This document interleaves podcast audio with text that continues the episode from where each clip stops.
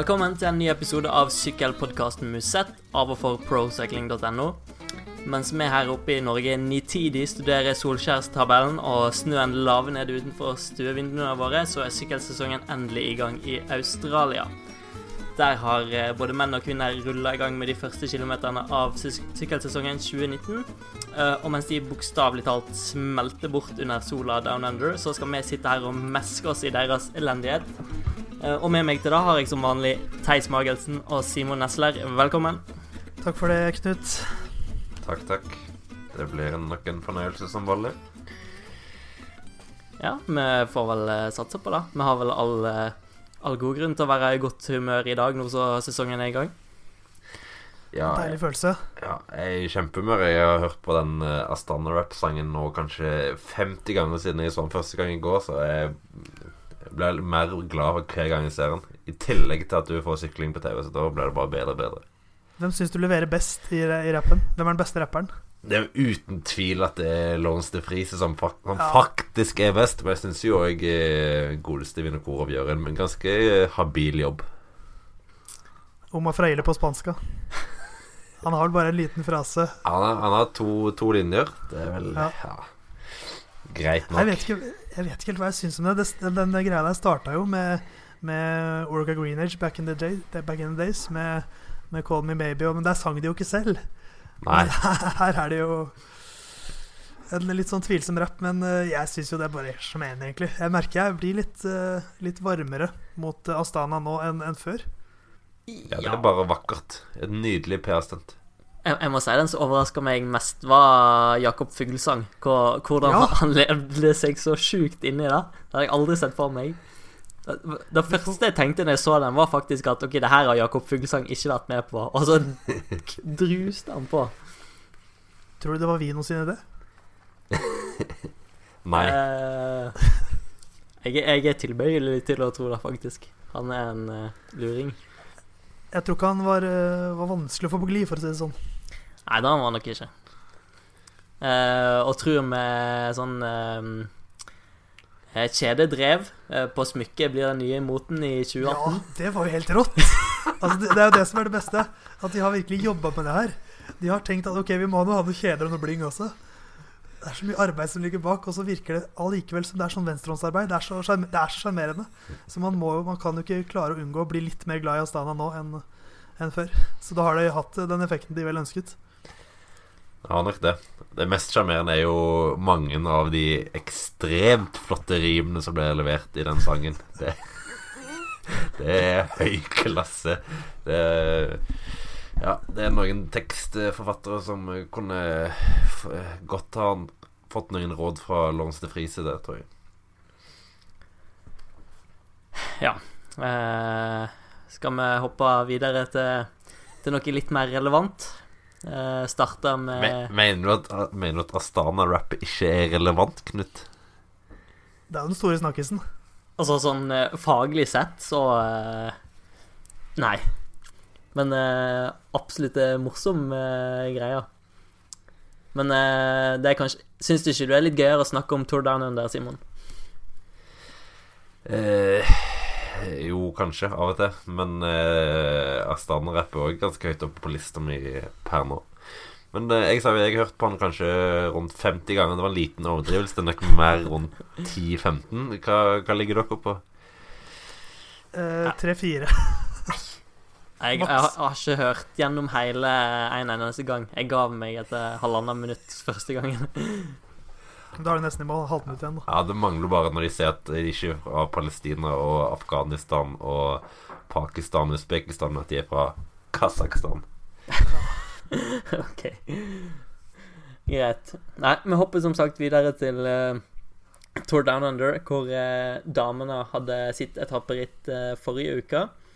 Eh, og vi nevnte jo Emma Amanda Spratt som en av eh, favorittene på forhånd. Og hun, eh, hun leverte varene på Mangler Hill og, og sikra etappeseieren der på denne Nei, sammenlagtseieren der på den andre etappen. Hun gjorde det. Det var jo en eh, optimal eh, start på sesongen for, eh, for Spratt. eh, og også en eh, optimal start på sesongen for Martin Vestby.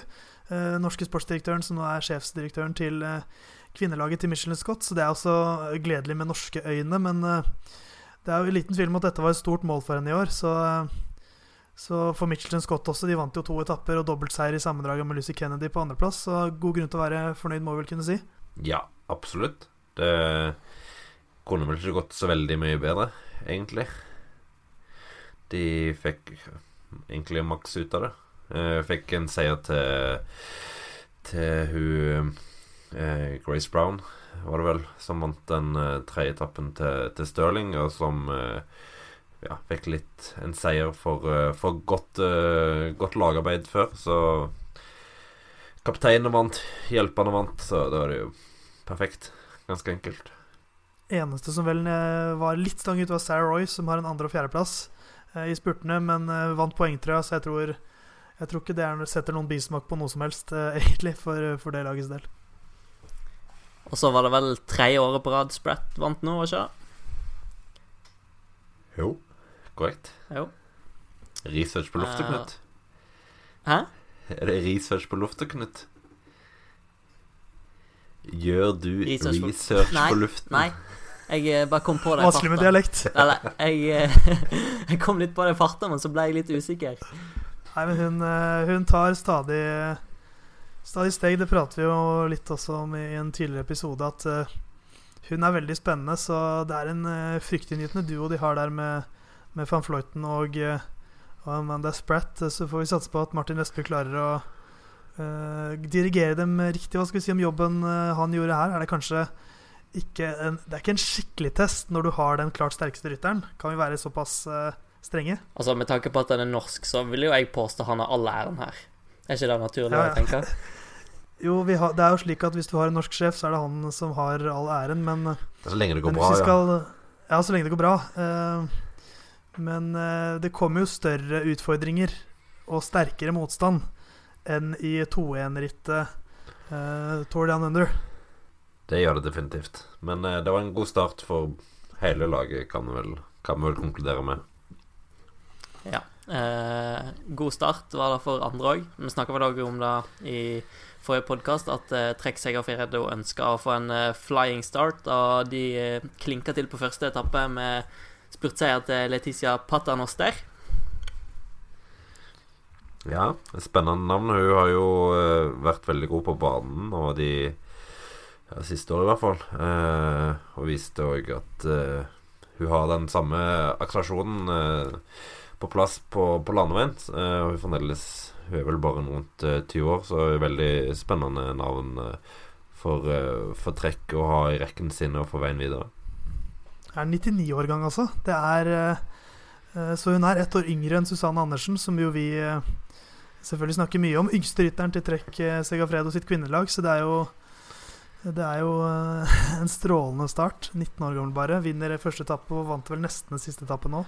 Det er Chloé Hosking som, eh, som fikk en seier der. Men eh, ja, det er eh, mange, mange som fikk en god start av, de, av de større lagene.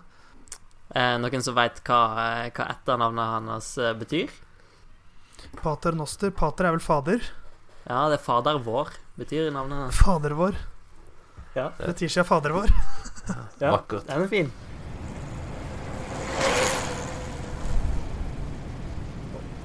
Om, om eh, Herrens ord kan vi hoppe videre til, eh, til herrene, som eh, eh, Ja, jeg vet ikke eh, Fikk en, den sedvanlige åpningen med Down Under Classic, eh, som ble rimelig kaotisk på slutten, Simon.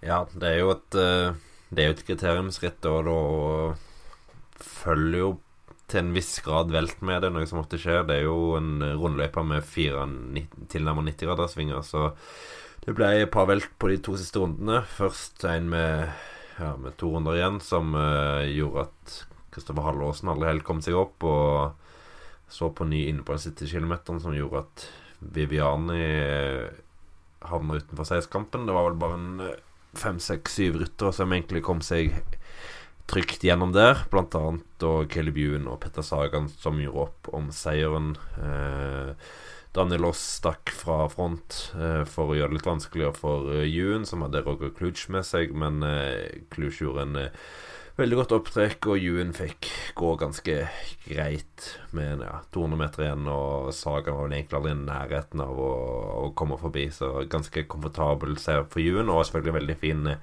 en fin måte å starte hans tid i Lotto Sudal på. Ja, det er jo uh, utvilsomt en gutt det her som har sikkert følt litt på presset.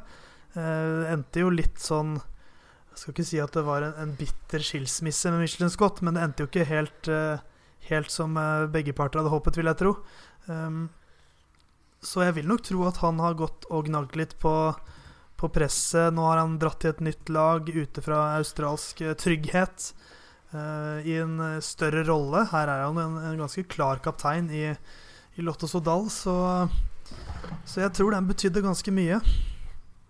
Ja, han jubla, jubla ganske vilt. Uh, det virka som han fikk uh, Eller han følte det var en, det var en viktig seier. Um, så er det klart at uh, Ja, han fikk det vel litt enkelt sånn det utvikla seg på, på, slutten der, og møter nok vanskeligere utfordringer etter hvert. Han har jo hatt gode starter på sesongen i Australia tidligere, før det har bytta litt utover i sesongen. Ja, jeg ble ikke helt klok på hvor god Jun egentlig er. Eh, sånn som I fjor så hadde han jo en ganske skral sesong. Han endte vel kanskje med fire-fem seier, ikke stort mer enn det. Eh, men så så man òg i Milano San Remo hvor han var fullstendig overlegen i hovedfeltet i, i spurten bak eh, Nibali. Så han har jo tydeligvis et veldig høyt potensial, men han, han virker til å være en spurter som eh, litt passende når det kommer til Lotto Sodal. Eh, litt, litt, lett faller vekk når det skjer noe, når det er kaotisk, og han havner litt bakpå. Så han er veldig avhengig av å litt konstant være i, i veldig god posisjon. Eh, og Så er spørsmålet om de klarer det da Lotto Sodal. Han har fikk jo Cluj med seg, som sagt, fra Mission Scott. Eh, og så har han henta inn Adam Blight. Ja, det er jo et kurant opptrekk, men det er ikke eh, Jeg tror det er ingen som er ekstremt skremt av det heller, så det blir spennende å se om han klarer å få det til å virke gang etter gang etter gang. Det gikk jo ikke bra i, i den første etappen i Tour de Under. Da var det jo fullstendig miss igjen. Han er jo en uh, Han er en veldig lik figur som uh, Mark Cavendish, da. Uh, sånn sett en veldig utypisk spurter. Veldig liten og og lett. Men forskjellen på han og Cavendish er jo kanskje at Cavendish er litt tøffere i hodet og litt tøffere i duellene, mens Yuan er kanskje litt veikere og lettere å, å skyve unna. Sånn som du sier, at han er veldig avhengig av et godt opptrekk. Hvis ikke så havner han ofte veldig bakpå. Jeg kan, jeg kan, med tanke på det mentale, jeg kan nesten ikke se for meg Mark Cavendish feire på den måten om han hadde vunnet uh, People's Choice Classic, nesten uansett hva som hadde skjedd før. Det hadde vært en knyttneve opp og that's it, tror jeg. Ja, han er litt mer den den, Han er nok litt, røft, litt tøffere mentalt, men eh, det er ingen tvil om at han har de fysiske kapasitetene. Han har jo vunnet etappe i Giro, han har vunnet etappe i Weltan, han har vunnet uh, uh, Hamburg, USA Classics har han vel, og som, som du var innom, Simon. Eh, andreplassen i Milano San Remo. det er jo virkelig et Jeg følte han tok et steg der, så ble det ikke så veldig mye mer av og store prestasjoner i 2018, men han viser i hvert fall at kapasiteten hans er enorm. Så uh, er han kanskje litt sånn som trenger å ha litt, ha litt, litt, medvind. Så en veldig god start på, i People's Choice. Ikke så bra start på, på Santos Tour Down Under, men han trenger nok en seier der, tror jeg. Så, så glemmer, glemmes nervene litt. Så kan han senke skuldrene, og så får vi vel kanskje se han i Tour de France for første gang. Eh, nå har vi allerede nevnt eh, hvordan det gikk for han i, eh, på den første etappen i Tour Down Under allerede, så er det naturlig å hoppe, hoppe videre dit. Og ja, vi kan vel bare starte med å, å snakke om fantastiske Elia Viviani, som fortsetter i samme spor som i fjor, med en fantastisk spurt. Ja, han er bare veldig god om dagen. og Quickstep hadde jo hadde tydeligvis en eh, god plan for dagen òg. Eh, de visste jo selvfølgelig at, at, det var en del motvind på oppløpet, og, og, da var jo planen å komme bakfra. Eh, det er jo selvfølgelig òg en risiko med det. Hun risikerer å bli stengt inne, men Viviani fant, fant den lille luka han trengte inne ved, inne ved barrieren, og når han kom opp i fart, så hadde han jo bare en fart som var så ekstremt mye høyere enn alle andre. Eh, og det Han har eh, en toppfart som Jeg vet det, vet ikke om det er noen som egentlig kan ta han på ren toppfart i dag. Det må være Gaviria eller Grønnevegen i så fall, tror jeg. Nei, det er sånn uh, Kitlig-glansdagene kunne kanskje også matchet han, men det er jo en stund uh, siden blitt nå. Så nei, hva skal man si om Viviani? Det er jo som, som Simon sier, han, han, vant vel sitt siste ritt i, i siste rittdagen. Han syklet i 2018, siste etappen av Vueltaen. Åpner 2019-sesongen med seier, så Nei, det virker som han fortsetter på, på den utviklingen han har hatt. Så nå med Gaviria borte nå blir det litt enklere for han også. Nå er det liksom uh, soleklar toppdog i, i Quickstep Floors. Så jeg syns litt synd på Max Walscheid. For andreplassen hans er egentlig et veldig godt resultat. Uh, og han hadde jo egentlig seieren i lomma, for det skal ikke være mulig å vinne fra den posisjonen Viviani hadde der på, på slutten. Men han kom uh, i et vanvittig klyv. Så det blir nok ikke siste seieren. Ja, han hadde jo, Walscheid hadde jo vunnet hvis Bauhaus bare hadde holdt på seg oppført seg som en skikkelig spurter og stengt eh, stengt det inne ved gjerdet der. Eh, det gjorde han jo ikke. Det var jo Viviani var jo litt på skulderen til, til Phil Bauhaus og dytta han litt vekk. Eh, men det var jo nok plass der han kom forbi. Men hadde Bauhaus bare tatt linja helt innerst, hadde jo Viviani aldri kommet seg forbi. Da hadde jo Walscheid tatt, tatt seieren. Så han får være sur på sin landsmann i dag. Dårlig tysk forbedring, men eh, vi må også nevne Jakub Mareczko. For han kom også vanvittig raskt. Han er jo en, en spurter som er ikke kjent for å være en mester i posisjoneringen. Uh, og nå er han jo i worldtouren. Uh, spurteren til CCC Han har en vanvittig toppfart. Det viste han uh, på første etappen i, i Tour Down Under. Så se litt opp for Mareczko altså. I det hele tatt en ganske spennende topp 10-liste, syns jeg, i, i, på første etappen her, med to nordmenn. Er det, blant annet. Er det Lankavi Maresco har så sjukt Eller et eller annet sted han har så mange etappeseiere, ikke ja, Både ja. Lankavi og Taihu Lake, tror jeg det er. Lake, ja, Guardini er vel uh, kongen av Lankavi. Ja. ja uh, Maresco har 18 etapper i Tour of Taihu Lake.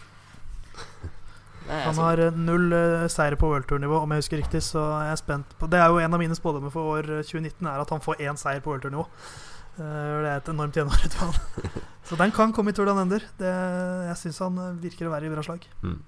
Han var jo selvfølgelig litt heldig i dag, da når, eh, når Bauhaus slukna og samtidig stengte Philipsen og van Poppel stivna enda litt før Bauhaus, sånn at det akkurat ble luka til å komme rundt. Men han er jo god til å finne de smålukene som trengs i en sånn spurt så han skal absolutt ha honnør for den tredjeplassen han sikra seg der. Uh, vi snakket jo Har jo òg snakka litt om Kristoffer uh, Halvorsen. At vi føler han uh, kommer til å ta et steg i år. Og han viste jo ganske lovende takter på den første etappen i dag. Vi spiller inn tirsdag. Første etappe gikk tirsdag natt norsk tid. og Halvorsen spurte inn til sjuendeplass, som må sies å være en akseptabel åpning. Ja, absolutt. Uh, det er selvfølgelig mulig å håpe på bedre, men eh, jeg tror det er der han eh, bør sikte seg inn nå, først og fremst, og være solid på det nivået først. Eh, gjøre en ganske ganske ålreit spurt, du kan si, i, i rekka bak rekka bak Viviani og Walscheid. Der var det ganske jevnt om plassene, og han kunne jo fort vært et par plasser høyere opp med litt mer marginer på sin side, så absolutt noe å bygge videre på, og mye bedre enn det han viste i, i Down Under Classic, hvor han ble litt eh, defensiv på slutten og ikke helt kom seg opp til laget. Så det var et veldig stort steg i, i riktig retning eh, sånn sett. Så slår han jo Peter Sagan. Uh, det er ikke verst, bare det. Som vel også er litt sånn Ja, ja, dette er ikke Sagan på sitt beste, men det er Heller ikke Doffen på sitt beste. Så syvendeplass er godkjent. Eh, så kudos også til Daniel Hoelgaard, tiendeplass i, i Worldtouren. Han har ikke så mange topp ti-plasseringer i Worldtouren, Touren, så vidt jeg kan huske. Så, eh, så det er også en, en bra start for Hoelgaard. Det er viktig for Holgård å, å ta de sjansene han får, eh, mens Halvorsen eh, ikke har så særlig spurtkonkurranse i, i Team Sky, så har jo eh, Arnaud Demar og eh, Mark Sarro i Groupama FT20. Ja, må absolutt ta de sjansene han får, og da er det viktig at han eh, Hvis han plukker med seg en eh, to-tre topp ti-plasseringer fra Don Under, så hadde det vært en veldig eh, fin start på sesongen, som gjør at han nok òg kommer til å få litt mer egne sjanser utover. Så absolutt veldig viktig for han å vise at han At han har et høyt nivå inne i spurtene fremdeles. Han har jo jeg har jo ikke vært veldig ofte han har fått muligheten i, i, i Groupama for å sette sjø de siste årene. Ja, utgående kontrakt i 2019, så litt press på seg òg. Ja, det har sikkert bare godt av, godt av å ha litt press på seg. Det er ofte da en presterer som best, så jeg tror Holgaard kommer til å få, kan komme til å få sin beste sesong på, på proffnivå, i hvert fall i år.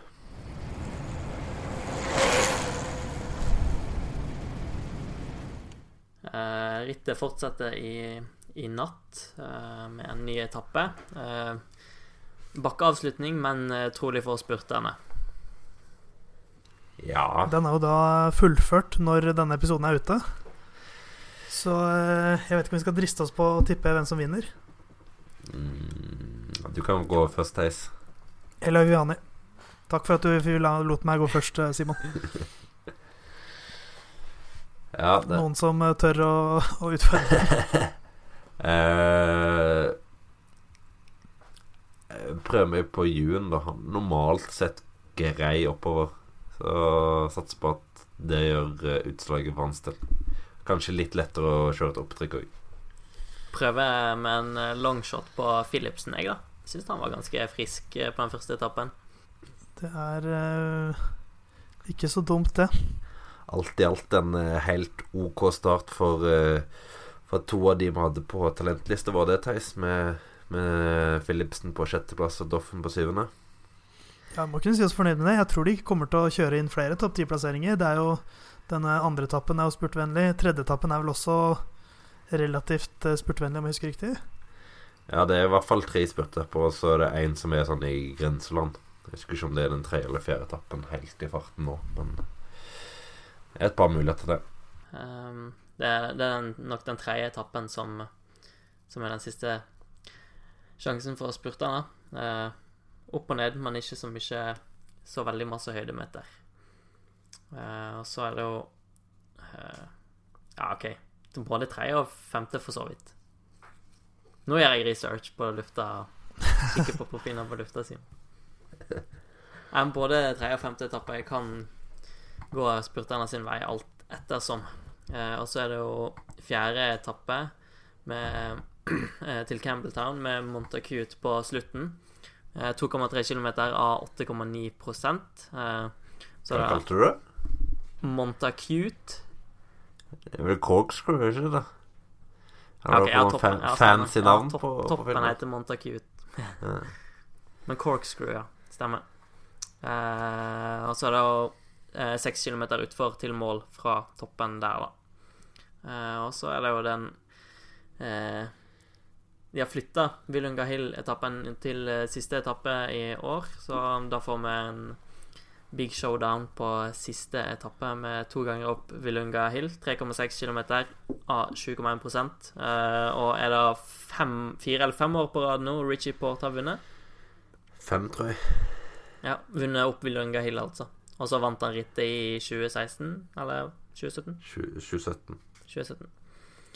Uh, og han er naturlig nok en av favorittene i år òg, for sitt nye lag Trekk Segerfredo.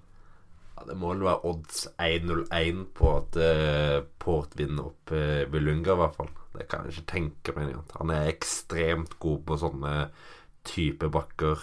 Ganske sånn mellomlang eh, intervall. Der er han ekstremt god, så Hvis det ikke blir seier der, eh, da skal Ta skjegget. Da vet Ja, da skal jeg ta skjegget. Ja, det er, eh, det er store ord, Simon, det her. Jeg må si at jeg er litt sånn Ja, han, han er favoritten, det må jeg bare få, få, sagt å begynne med, men er det liksom Er det helt bankers at han, at han har den? Eh, Michael Woods tenker jeg litt på som eh, en han skal passe seg litt for. Ja, absolutt eh, enig i det. Jeg tror Woods debuterte vel i um, I Tour Down Under, når han ble proff, faktisk. For et par år siden, mener jeg å huske. Ja, i 2016. Ja. Det var første ritt han gjorde for, eh, for Kendal. Og ble, ble nummer fem sammenlagt. Ja. Uh, og han viste jo at han har tatt uh, enda flere steg i fjor, når han uh, vant uh, etappe i eh, og ble nummer eh, tre i VM. Nei, to, to i VM. Tre. Tre? Nei, faen. No. Han var vel VM. eh, to i, to i Liège. Ja, stemmer. Så, Men en, eh, en, en rytter som er uhyre eksplosiv, bra i, bra i slike bakker. Så jeg, jeg føler jo egentlig at utfordrerne til Port i slike bakker er litt sterkere enn enn i fjor. Da var det vel Daryl Impey som ble andremann, og han vant vel sammenlagt til slutt. Så jeg føler liksom ikke at Impey er en mann Impey er jo en mann som Port bør ha grei kontroll på. Mens jeg tror nok Jeg tror ikke det blir sånn som det har vært et par ganger, at han bare kjører ifra. Enkelt uten utfordrer. Jeg tror det blir litt, litt mer fight i år. Eh, så ender det sikkert med Port-seier uansett. Men, eh, men så får vi se da om denne, denne fjerde etappen med en litt sånn eh, kanskje heseblesende utforkjøring Det er jo ikke Port sitt favoritterreng. Eh, kanskje det kan ryke noen sekunder der, og at han eh, er nødt til å tråkke til helt i starten av Willonga Hill. Det kan jo bli en veldig spennende avslutning, da, med, med tanke på sammendraget. At vi nå får den helt til slutt. At ingenting er avgjort før, før siste meter. ja, eh, selv om jeg ikke helt ser den ekstremt store forskjellen fra sånn som det har vært før. Riktignok så tok jo Impi det i fjor. eh, han tok vel noen bonuskunder på siste etappen, men eh, det er jo ja, of, Som oftest har det jo blitt avgjort opp ved Vilunga uansett. Så i- realiteten så vet jeg ikke om det har så mye å si. Nei, det, det er vel kanskje mer at en slags kunstig, kunstig spenning holdes eh, helt til Willonga Hill. At vi nå ikke får de etappene på slutten hvor det i realiteten er, er ganske avgjort. Selv om det da eh, ble litt annerledes i fjor. Men eh, jeg skal ikke glemme det Olympi heller. Han, han viste jo i fjor at han hang ganske bra med opp, eh, opp i Longa Hill. Så han er vel kortet til, eh, til Michelin Scott her i, i år også, så Port eh, i nytt lag som Caleb Ewan er nok eh, på jakt etter en god start. Og vi vet jo alle hvor mye disse australske rittene betyr for de australske rytterne. Så eh, at det kan bli Ewan og Ewan-seier på noen av spurtene og Port-seier i sammendraget, det er vel ikke usannsynlig. Det er ingenting som er så, så fascinerende som Port sin eh, dominante maskinstil opp Willunga Hill og Daryl Impey sin heseblesende eh, stil like etter.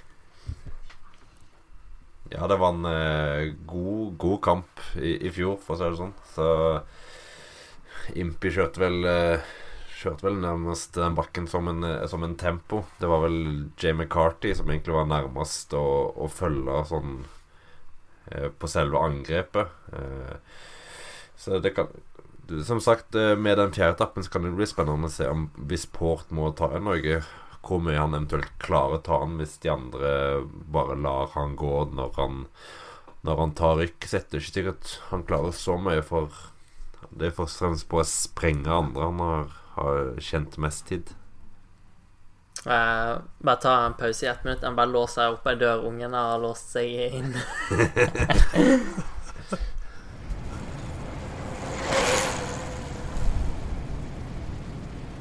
Da skal vi avslutte Tour Under-praten kanskje med å tippe, tippe topp tre i sammendraget.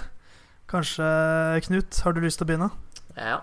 Jeg går eh, for Richie Port på første. Kjedelig valg. Eh, Woods på andre. Tipper han gir eh, Port kamp helt til døra.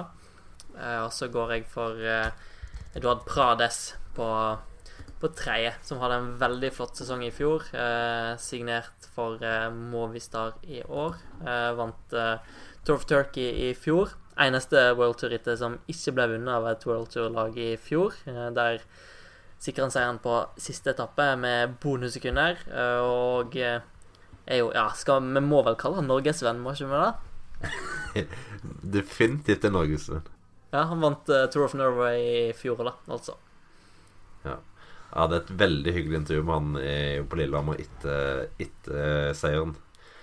Han eh, var ikke veldig skarp i engelsken kan vi vel konkludere med. Definitivt norgesvenn. Nei, men det er, eh, det er et deilig tips, eh, Knut. Spesielt tredjeplassen. Hva med deg, Simon? Eh, nei, jeg går litt eh, Litt samme stilen som, eh, som Knut, med Port og Woods på første og andre. Eh, og så kjører vi på med, med Paddy Bevin på, på tredjeplass. Tok fem bonuskunder i dag. Eh, har vist at han kan takle Villunga Hill før. Var vel bra for to-tre år siden. Eh, så er litt bonussekunder så regner jeg med at han har tenkt å gå for sammendraget, og da går vi for han på en tredjeplass. Hadde vært uh, fint for CCC, det. Få en, uh, en rytter på podiet i første World Tour-rittet i år. Det er uh, mange av navnene, de samme navnene som jeg har på første og andreplass, bare i motsatt rekkefølge. For jeg tror Michael Woods slår han, han gjør som Ala Philippe gjorde i Flesh Vallon i, i fjor. Han bryter seiersrekken da til Valverde. For at nå bryter Woods seiersrekken til eh, Richie Port. Så han tar, eh, tar skalpen til, eh, til tasmanieren der. Port blir nummer to. Og den gamle, gamle sluggeren Daryl Impey blir nummer tre. Og så satser vi på at Carl Fredrik Hagen blir beste norske sammendraget. Selv om han må jobbe mye i front for Caleb Ewan på de flate etappene, så tror jeg nok han skal takle den bakken best av, av de nordmenn vi har med der. Så Woods, Port og uh, Impey. Ja, det kan bli spennende å se hvordan Carl Fredrik gjør det, om han har noe om han har noen krefter igjen. Det er jo, det er jo spørsmålet. Eh, han eh, sa vel til TV 2 i dag at han hadde gått ned fire kilo under etappen etter å ha sitt- sittet foran og taua gjennom store deler av dagen. Eh, det er jo klart at det er veldig varmt for, eh, for oss nordmenn eh, nå de to første etappene, men så er det meldt litt mindre varmt vær utover uka, så det bør jo kunne gjøre at de kanskje er litt mer eh, i stand til å kjempe om eh, gode plasseringer.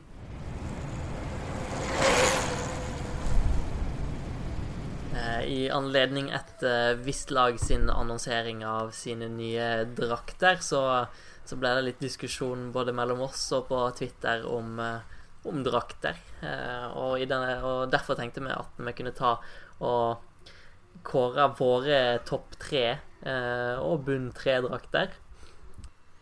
Det er, jo, det, er, det er jo fascinerende dette med drakter, for det er få ting som engasjerer og provoserer folk så mye som, som drakter. Folk har alltid veldig sterke meninger om dette, så, så nå legger vi hodet vårt litt på blokka, og kanskje du der hjemme blir rasende nå over, over kanskje slakter vi din favorittdrakt. Eller kanskje hyller vi en drakt du hater. Så det er bare å spenne seg fast i med setebeltene, altså, for dette kan bli det kan bli provoserende. Eller kanskje det blir helt fantastisk. Hvem vet?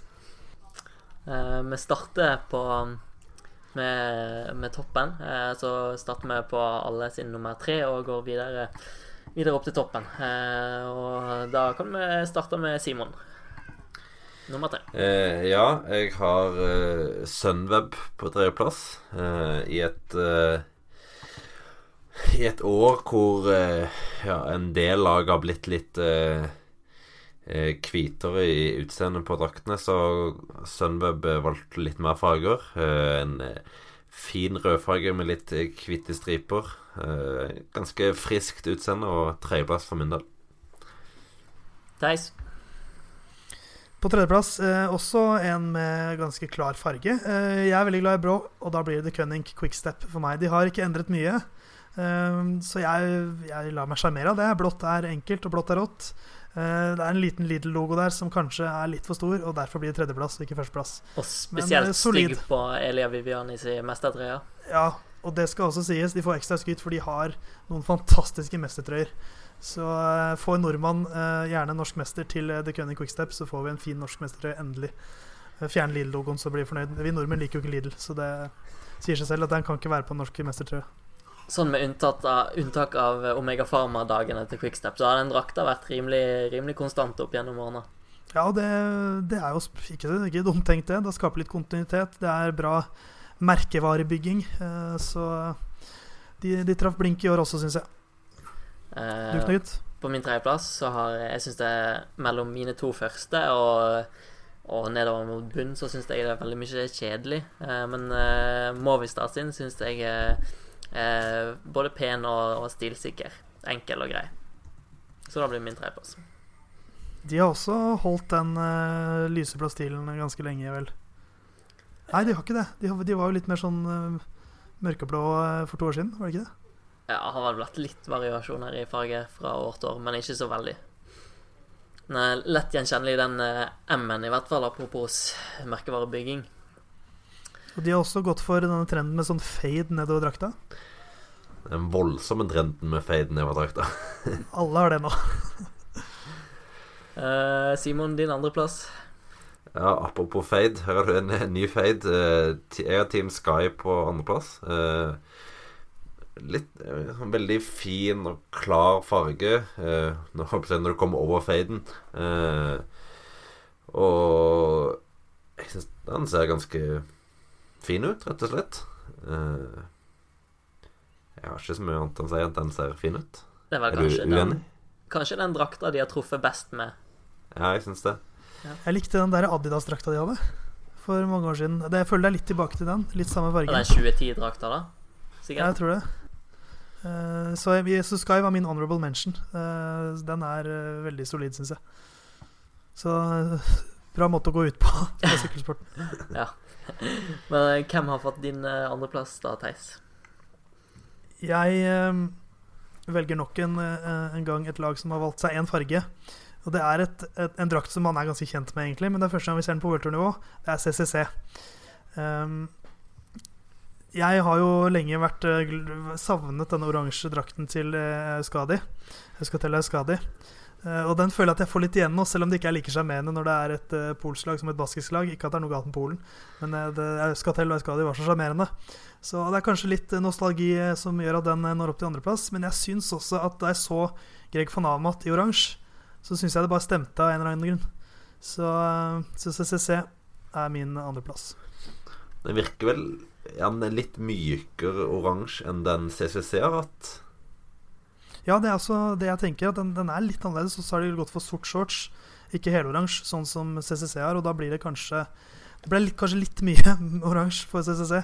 Mens nå er det litt, eh, litt mer uh, Litt mer blanding med en sort shorts. Så jeg syns det funker veldig bra. Så det er min Det blir bra å se Greg van Amat kanskje ta et steg igjen i, i oransje. De òg har jo en nydelig fade. Ja, ja, ja, selvfølgelig. Kan ikke være 2019-lag i World uten fade. Jo, det, det går an, da. Uh, for min andreplass så har jeg uh, Dimension Data. Uh, Asos har gått inn der og gjort en fantastisk jobb med designet. skikkelig klar og fin drakt. enkel. men ja, jeg syns den er sjukt deilig. Skikkelig ja. stilfull. Ja, absolutt. Den er veldig, veldig stilren, og Dimension Data har kanskje ikke hatt så jeg føler ikke de draktene de har hatt, har vært så ekstremt fine. Men selv om de ikke har gjort så ekstremt store endringer nå til årets sesong, så ser det bare mye bedre ut. Eh, rett og slett. Ja, den er vel nesten, nesten helt lik? Ja, ja det er... den er ganske lik, men han ser av en eller annen grunn fryktelig mye mer stilrennende ut. Ja, de har sikkert flytta litt på uh, noen ting, og, men den hvitfargen virker mye mer klar enn tidligere. Sånn, ja Sånn, sånn jeg, jeg kjenner ikke på hva det heter, men sånn Ikea-skap som har sånn veldig klar hvitfarge. Det her burde du vite, Simon. Nei, det er Theis som har jobba på Ikea. Så. Jeg jobbet på Ikea før, så det er virkelig jeg som bør Altså, tenker på Off-White? Nja Faen, det har et annet uh, spesielt navn. Helsike. Er det, er det research on air nå? ja, nå har jeg gått på Ikea. er det glossy? Ja, det er sånn glossy, ja. Det er det var bra ord. Uh, uansett, vi, vi, hopper bort fra Ikea uh, og videre til uh, førsteplass. Ikea Pro Cycling har vært en rå drakt for øvrig. Ja, dæven. altså, å, fy flate. Blått og gult. Nå ser jeg for meg de T-skjortene Ikea-ansatte går med på på Chris Froome eller et eller annet sånt. Fy. Jeg tror, for, jeg tror fortsatt jeg har noen i skapet mitt, sånn utvaska grå, litt sånn gul og gul og blå gråtoner. altså Det er ganske enkelt å få designa sine egne sykkeldrakter eh, i 2019, så kanskje vi skal lage Musette uh, Ikea-inspired uh, drakt. Men dere har sett Pro Procycling-sykkeldraktene? Procycling.no-sykkeldraktene? Ja, ja, ja. ja. De er jo ganske fine, de, egentlig. Ja. Så hvis du bare får inn litt uh, Ikea-farge der, så blir det jo helt fantastisk. Skal ringe, Ingvar Kamprad, det, så skal vi se om han kan spytte inn noen kroner òg. Eh, det er litt seint. Hans dødsbo. Simon, førsteplass. Nummer Ja, uno. eh, ja. Eh, jeg støtta deg jo på at Dimension Data hadde en fin drakt, og de er min nummer én, så ja, fin drakt. Ja. Du begrunna det fint, så jeg skal ikke si så mye mer enn det. Theis. Jeg må bare kaste en liten brannfakkel først. Jeg syns den er litt kjedelig. Sånn. Uh, vi trenger ikke å si noe mer enn det. Uh, for min førsteplass er en uh, som jeg syns Simon begrunnet fint. Sunweb. Jeg De er jo kanskje et, et, av de lagene som har endret seg mest. Og jeg syns det funker kjempebra. Rødt med selvfølgelig en frekk liten fade ned mot sort shorts. med noen hvite fartsstriper. Så jeg syns de var litt anonyme og kjedelige med sort og hvitt, som de vel hadde både i fjor og året før, og de har vel hatt, hatt den profilen en stund nå. Så, eh, så noe helt nytt og uventet, og, og deilig at de tør å ta en sjanse på å endre profil såpass. Så Sunweb er laget jeg gleder, jeg gleder meg mest til å se i aksjon i, i 2019. Bare se for dere Tom Dumoulin hæ? med en, eh, verdens største hake på vei oppover eh, ulike fjell i Italia rundt. Er ikke feil, det. Da gleder vi oss eh, til å se. Eh, på min uh, førsteplass, eh, de som hørte Jeg husker ikke hvilken uh, pod det var, der jeg hylla Lachlan Morton, så kommer det kanskje ikke som noen overraskelse at jeg òg elsker EF Education First Drapeback sine drakter, eh, som var drakta jeg refererte til i innledningen. Eh, ordentlig elsker-hat-drakt. Eh, psykedelisk. Eh, Syd Barrett eller Robert Plant kunne sikkert godt ikledd seg den på 60-70-tallet. Eh, men det er skikkelig forfriskende og, og fargerik drakt som jeg, eh, jeg setter stor, pri stor pris på, i hvert fall. Ja, det skal du få lov til. Ja. For det, det, det skjer veldig mye der. Veldig mye. Da, da skjer en del. Har, har du sett sånne, sånne type bilder som er Hvis du ser dem fra ulike vinkler, så ser det helt forskjellig ut? Ja. Hvor det er liksom fjeset til Anakin Skywalker og fjeset til Darth Vader. Hvis du går fra ulike uker. Jeg føler den drakten er litt sånn. Ja, kanskje. Men altså, jeg, jeg syns det er Altså, så klart ikke, ikke hva som helst, men jeg syns det er veldig Veldig fint med litt farger. Og ikke bare sånne kjedelige fade. Den her er jo fade òg, men den er jo litt, eh, litt skarpere farger. Her må vel kunne kalles en ekstrem fade, i så fall. ja. Jeg det er litt Altså Jeg er enig med deg, det er en veldig sånn elsk-hat-greie. Jeg Av og til syns jeg han er veldig fin, av og til syns jeg han er helt forferdelig. Eh, så, som Theis sier, det handler veldig mye om hva vinkel du faktisk eh, Og hva lys du ser den drakten i. Eh, for min del så ser det litt ut som en sånn utvaska T-skjorte altså, hvor det begynte å blande farger og masse sånt. Jeg ser for meg et sånn i, i en skikkelig sånn gjørmete vårklassiker. Da tror jeg ikke den kommer til å se bra ut, altså. Det Altså Stakkars Seff van Marke. Når han skal drive og tråkke seg gjennom brostein med denne, de greiene der på seg, så tenker jeg kanskje en sånn Rigoberto Uran i eh, Colombia. Ja, den kjøper jeg litt. ja. Men eh, sånn eh, helt seriøst, er ikke det godt med litt farger? Og ikke Jo, det er jo, det er jo Altså, jeg, jeg vil ha mer farger. Mer eh, 80-tallet og, og sånt. Ja, altså, bare altså Jeg har rødt på topp og oransje på andreplass. Jeg, jeg, jeg syns jo Ja. alt som spriter og feller litt, at ikke alt er sort og hvitt. Og du har for liksom, lite blanding der... av farger, Theis. Det skulle vært mer uh... ah, Nei da. jeg, jeg får en enkel sjel. Jeg, vet, du. jeg vil bare ha sånn rødt, blått, sort, hvitt. Det skulle vært alle fargene, bare en, hvert lag får én farge. Og det er det eneste de kan bruke. Da hadde jeg vært fornøyd. Slipp meg sånne der blandingsgreier og sånt. At det er lett å skille rytterne fra hverandre, og da blir alt ryddig. Så nei da. Så, så konservativ skal jeg ikke være. Jeg setter pris på farger, men jeg syns kanskje ikke at EF har truffet helt. Men jeg setter veldig pris på forsøket. Det gjør jeg.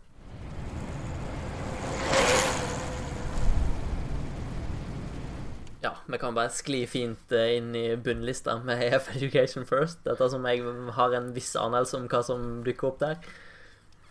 Simon? Eh, ja, den er på, på lista mi. Jeg kan jo ta hele de, de tre jeg har. Jeg har Jeg har Båre Hanskroe som eh, nummer tre. Eh, en sånn kjedelig drakt. Jeg syns grønt og svart matcher dårlig. Og det er vel en grunn til at eh, på alle nasjonaltrøyene deres så har de fullstendig hvit trøye og flagg. Da går de helt vekk fra, det, fra de fargene de har på den vanlige drakta si. Det er vel pga. de de er vel ikke sjøl fornøyd med det engang, så de får min tredjeplass der. Og så har vi EF på andre, som eh, jo, jeg ja, eh, endte ned på hat på hat-elske-skalaen. Eh, sjøl om jeg som sagt kan synes at han er fin i, i visse lydsetninger fra visse vinkler. Eh, og så på min desiderte bunnplasser har vi UAE, som jo rett og slett ser ut som alle er nasjonale mestere. Den er stygg. Og i tillegg det generelle problemet at det er mye en del kvitt i feltet i år. Og jeg så på Tour Down Under i dag og sleit med å skille Lotto og UAE til tider eh, ifra. Så den er De hadde mye finere drakt før. Ikke at den nødvendigvis var så ekstremt fint, men mye lettere å se og ikke så ekstremt platt som den her. Lista til, eh, til Simon den, den slutter likt som min. Jeg kan jo, gå, jeg kan jo ta min, eh, min liste.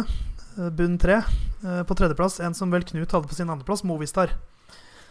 Jeg syns jeg, jeg, jeg, klarer ikke helt å sette fingeren min på det. Jeg bare syns det ser rart ut. Det er liksom en, en sånn, den, den, fargen treffer meg ikke i det hele tatt. Jeg syns de har den, den faden som passer minst, for de har selvfølgelig en fade, de òg. Um, så jeg syns Valverde ser bra ut i sin verdensmestertrøye, men uh, men resten av, av Movistar-laget ikke fan. Så de er, eh, er på tredjeplass. Bora andreplass. Jeg syns den er kjedelig og uten fullstendig blottet for personlighet. Uh, nei, den, den, funker ikke. Og på toppen, samme som Simon, UAE. Uh, som, det, er så, det, er så, kjedelig som det blir. Og de har, de har et flott flagg. De, de kunne valgt fra rødt, grønt, hvitt og sort de, det er altså, rødt, grønt og sort. Det må ha vært mulig å få til noe bedre enn det der med de fargene. Så jeg er bare skuffa over UAE. Så nei. Altfor dårlig.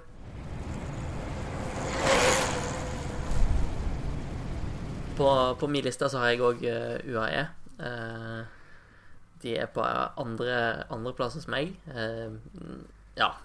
Stiller meg bak da det jeg sa, og den ser bare ikke bra ut på sykkelen heller. Jeg syns den ser spesielt dårlig ut når de sykler. Eh, på på tredjeplass så har jeg eh, Katusha. Røde shortser og sånn der babyblå eh, overdel. Eh, ja, jeg, jeg, blir ikke helt klok på den. Veldig spesiell kombo. Eh, som de ikke det, Ja, det er jo litt farge, da, men uh, komboen treffer de ikke spesielt med, syns jeg. Fordelen er at du neppe får se den i så mange seiersbilder i år. Godt poeng. Uh, og så på, på førsteplass har jeg gått for uh, veldig spesifikk drakt. da uh, Mestertrøya. Uh, Merhavi Kudus si, si mestertrøya i Astana. Der det er liksom den glossy Kasakhstan-fargen kombinert med det der flagget. Folk må gå inn på Twitter på Astana sin, sin konto og, og se det bildet som ligger ute der. For det, jeg syns det er helt grusomt. Helt grusomt. Det er, altså, det er den der asurblå eh, fargen til Astana, og så er det en litt annen blåtone. En bitte litt annen blåtone. Det er helt grusomt. Jeg skjønner ikke hva Det er jo det er som, som man lager sånn basic Photoshop skills. Bare klippe og lim. Vi har, ok, Google, Eritrea, flagg, lim inn. Det er det de har gjort. det er veldig fint bilde. Det, altså, De hadde vært tjent med å bare smekke hele det flagget på den drakta der i stedet for å gjøre gjøre den varianten. Igjen, altså, det er, det er, de har også masse farger. Altså, det er rødt, det er grønt, det er blått. De kunne fått til en mesterrød som ikke var helt ulik Astana sin. Hvis de hadde gått for den blåfargen der. Så det er liksom Jeg, jeg skjønner nei, Det burde vært eh, regler for mestertrøyer. Og sånn profileringsmessig så må det være veldig fint å skille seg ut. Og mesterdrakta der, flagget er hele drakta, skiller seg jo veldig ut. Så jeg skjønner ikke eh, hvorfor ingen ser fordelen med det. Nei, er, hvem er det som, Hvilke lag er det som har skjønt det? Quick, altså The Cunning Quickstep har skjønt det. Gruppa Gruppama til sjø har skjønt det. Og det er vel stort sett bare de to ja, som er liksom konsekvent bra. Nei, det Ja, Kurtas Lavesen skjønte holdt jeg på å si back in the days. Men, Ja, jeg eh, syns også Tor Hushovd i BMC hadde også noen bra mestertrøyer. Men eh, det begynner å bli en stund siden utenlandsproffene våre har hatt en bra mestertrøye, syns jeg. Ja, Stakan sin er vel ikke noe å skryte av. Han er jo tross alt på laget som har eh, fått ganske mye kritikk her fra før av, så Ja. Jeg vil satse på Holgård, Daniel Holgård som norgesmester, da. Ja, dæven. Hvis en av eh, Da tror jeg eh, Patrick Lefebvre skulle få jobba fram en bra norsk mestertrøye. Det hadde blitt kult. Eh, Ja, ikke Marc Madiot i så fall, men eh, Ja, hva sa jeg? Ja, Patrick Lefebvre. Ja, ja. Hadde for så vidt vært rått med nordmann i quickstep òg. Vi går, eh, går en tur til Women's World Tour òg, og eh, tar våre beste drakter derfra òg. og eh, det er litt eh, ymse der. Eh, Astana sin eh, like ille på eh, Ja, kanskje verre på kvinnesida. Kanskje verre, altså. det er mye verre enn Astana sin eh, Ja, Astana sin, ja, men Kudus, Kudus sin, da. Ja. Hvem er best? Ja, det, det er sant. Det er tøff konkurranse. Det er, Kudu sin det, er det er målfoto. Kudus sin er så lappeteppe. ja, det er fem Mens millimeter. Astana sin er i hvert fall Selv kvinnedrakten, den er i hvert fall gjennomtenkt på en eller annen måte. Ehm, så det er, damedrakten går nok foran. Det er jo en del eh, lag som har helt like drakter, sånn som Sunweb. Så Susanne Andersen kommer til å få en veldig fin drakt i, i 2019 med den eh, røde drakten med fade og sorte, sorte shorts. Det er helt, eh, helt flott, det. Men den er ikke på min topp tre. Den er på fjerdeplass, så den ble en honorable mention. Skal jeg ta, skal jeg ta min topp tre først, eller Ja. kanskje siden jeg er i, i gang med, med fjerdeplassen? Kjør på. Eh, fjerdeplass uh, var Sunweb. Tredjeplass Bigla uh, Pro Cycling.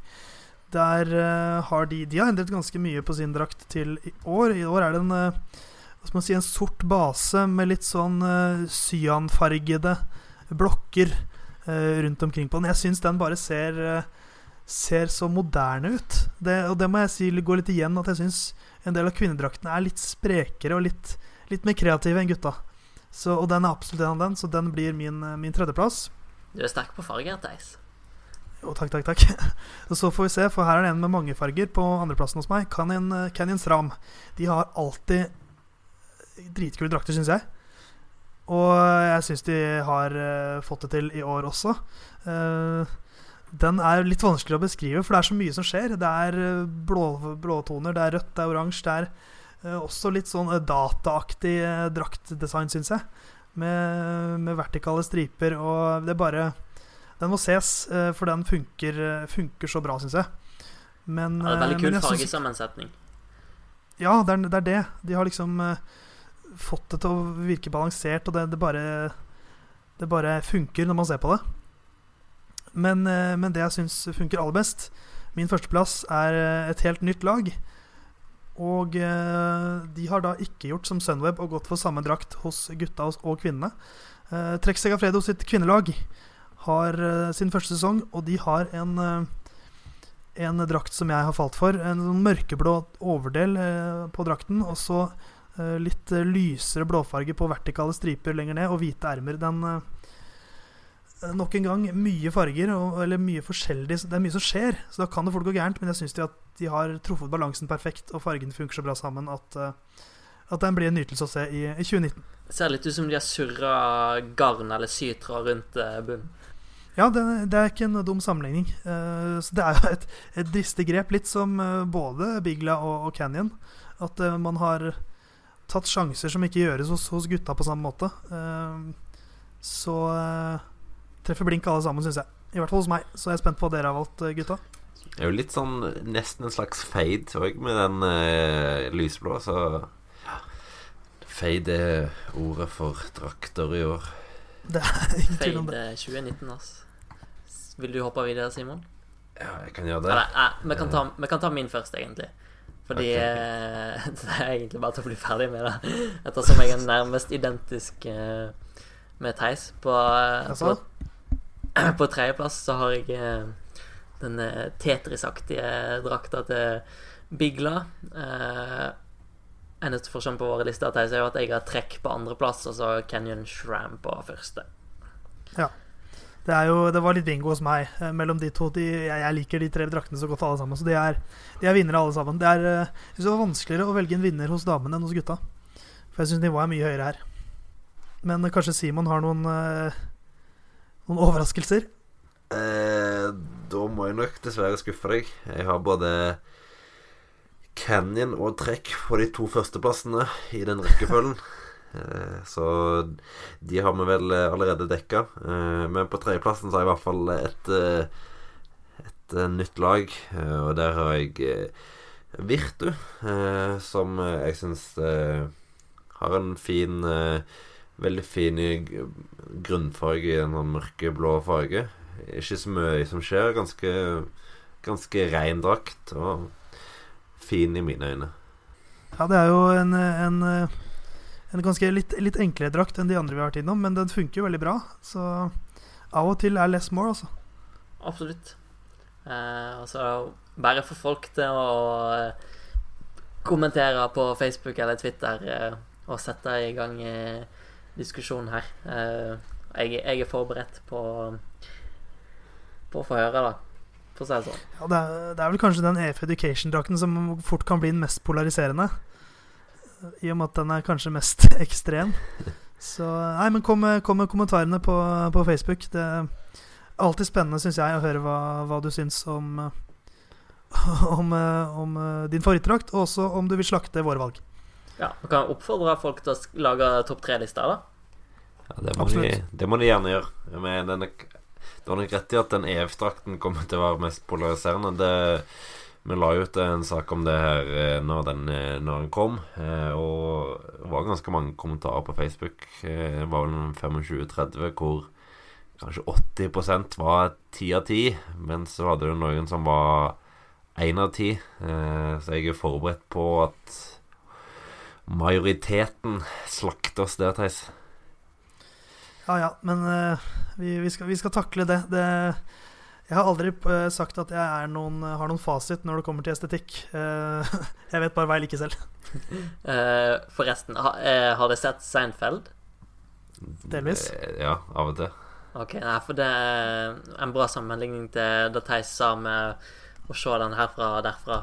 Eh, den episoden der Jerry dater ei som ser helt fantastisk ut i lys fra ei side, og ser ut som da vraket fra, fra en annen vinkel. Ser ut som en uteligger, plutselig. Kanskje er det der eh, designerne Det er der Raffa har tatt inspirasjonen bak Afe Education i drakt fra, da.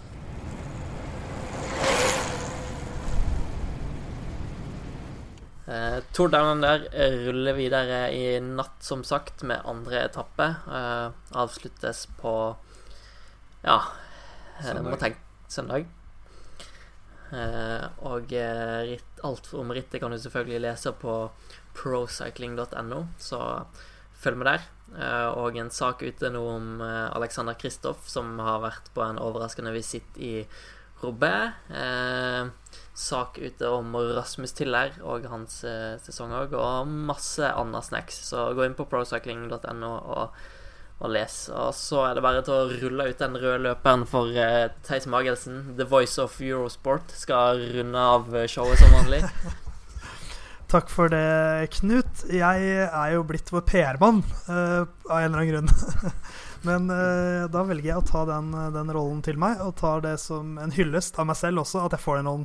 For det er gøy å være PR-mann. Så jeg vil uh, veldig gjerne at du som hører på, uh, laster ned podkasten vår. Det er en god start. Og hvis du liker det du hører, så kan du abonnere på den også, sånn at du slipper å laste ned hver uke. Da skjer det av seg selv. Og eh, hvis du liker den kjempegodt, så blir i hvert fall jeg superglad hvis du går inn på iTunes og gir oss fem stjerner der, og kanskje skriver en liten kommentar. Um, for det er, da blir vi ekstra inspirert, og uh, da kanskje enda flere får høre podkasten som uh, vi sysler med her på procycling.no. Så last ned, abonner, ranger. Var det OK, Knut? Meget fint. Uh, og vi, tre vi trenger vel strengt tatt ikke si mer enn enn takk for følget, og takk til deg, Theis. Takk til deg, Simon. Som alltid kjempemoro. Så må folk eh, følge Theis sine ord. Og eh, husk òg å slenge inn topp tre på, på, Twitter eller Facebook. Eh, og skriv det på Twitter, så tagg gjerne procycling.no eller Musett podkast. Så er vi tilbake neste uke. Tjoho! Ha det.